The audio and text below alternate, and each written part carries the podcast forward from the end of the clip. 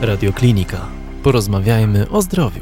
Bardzo wielu dorosłych nawet nie zdaje sobie sprawy z tego, że mają pasożyty, dlatego że objawy, które mają, są po pierwsze na tyle słabo nasilone i nie powodują takich zaburzeń, e, takich jakby odchyleń w równowadze człowieka, że człowiek nie czuje potrzeby, żeby iść do lekarza i diagnozować się, albo uważa, że no stary jestem, przemęczony jestem i tak dalej.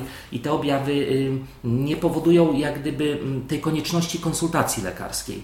Y, ale tak naprawdę, jeżeli tych pasożytów jest wiele, albo jeżeli u człowieka dojdzie do jakiegoś wahnięcia równowagi pod wpływem jakichś zaburzeń, przemęczenia, braku snu, fatalnego odżywiania, to wcześniej czy później te pasożyty jednak odzywają się w cudzysłowie i one dają jakieś objawy. Tych objawów jest naprawdę bardzo dużo, bo pasożyty mogą wpływać praktycznie na każdy organ, na każdą tkankę w ciele człowieka.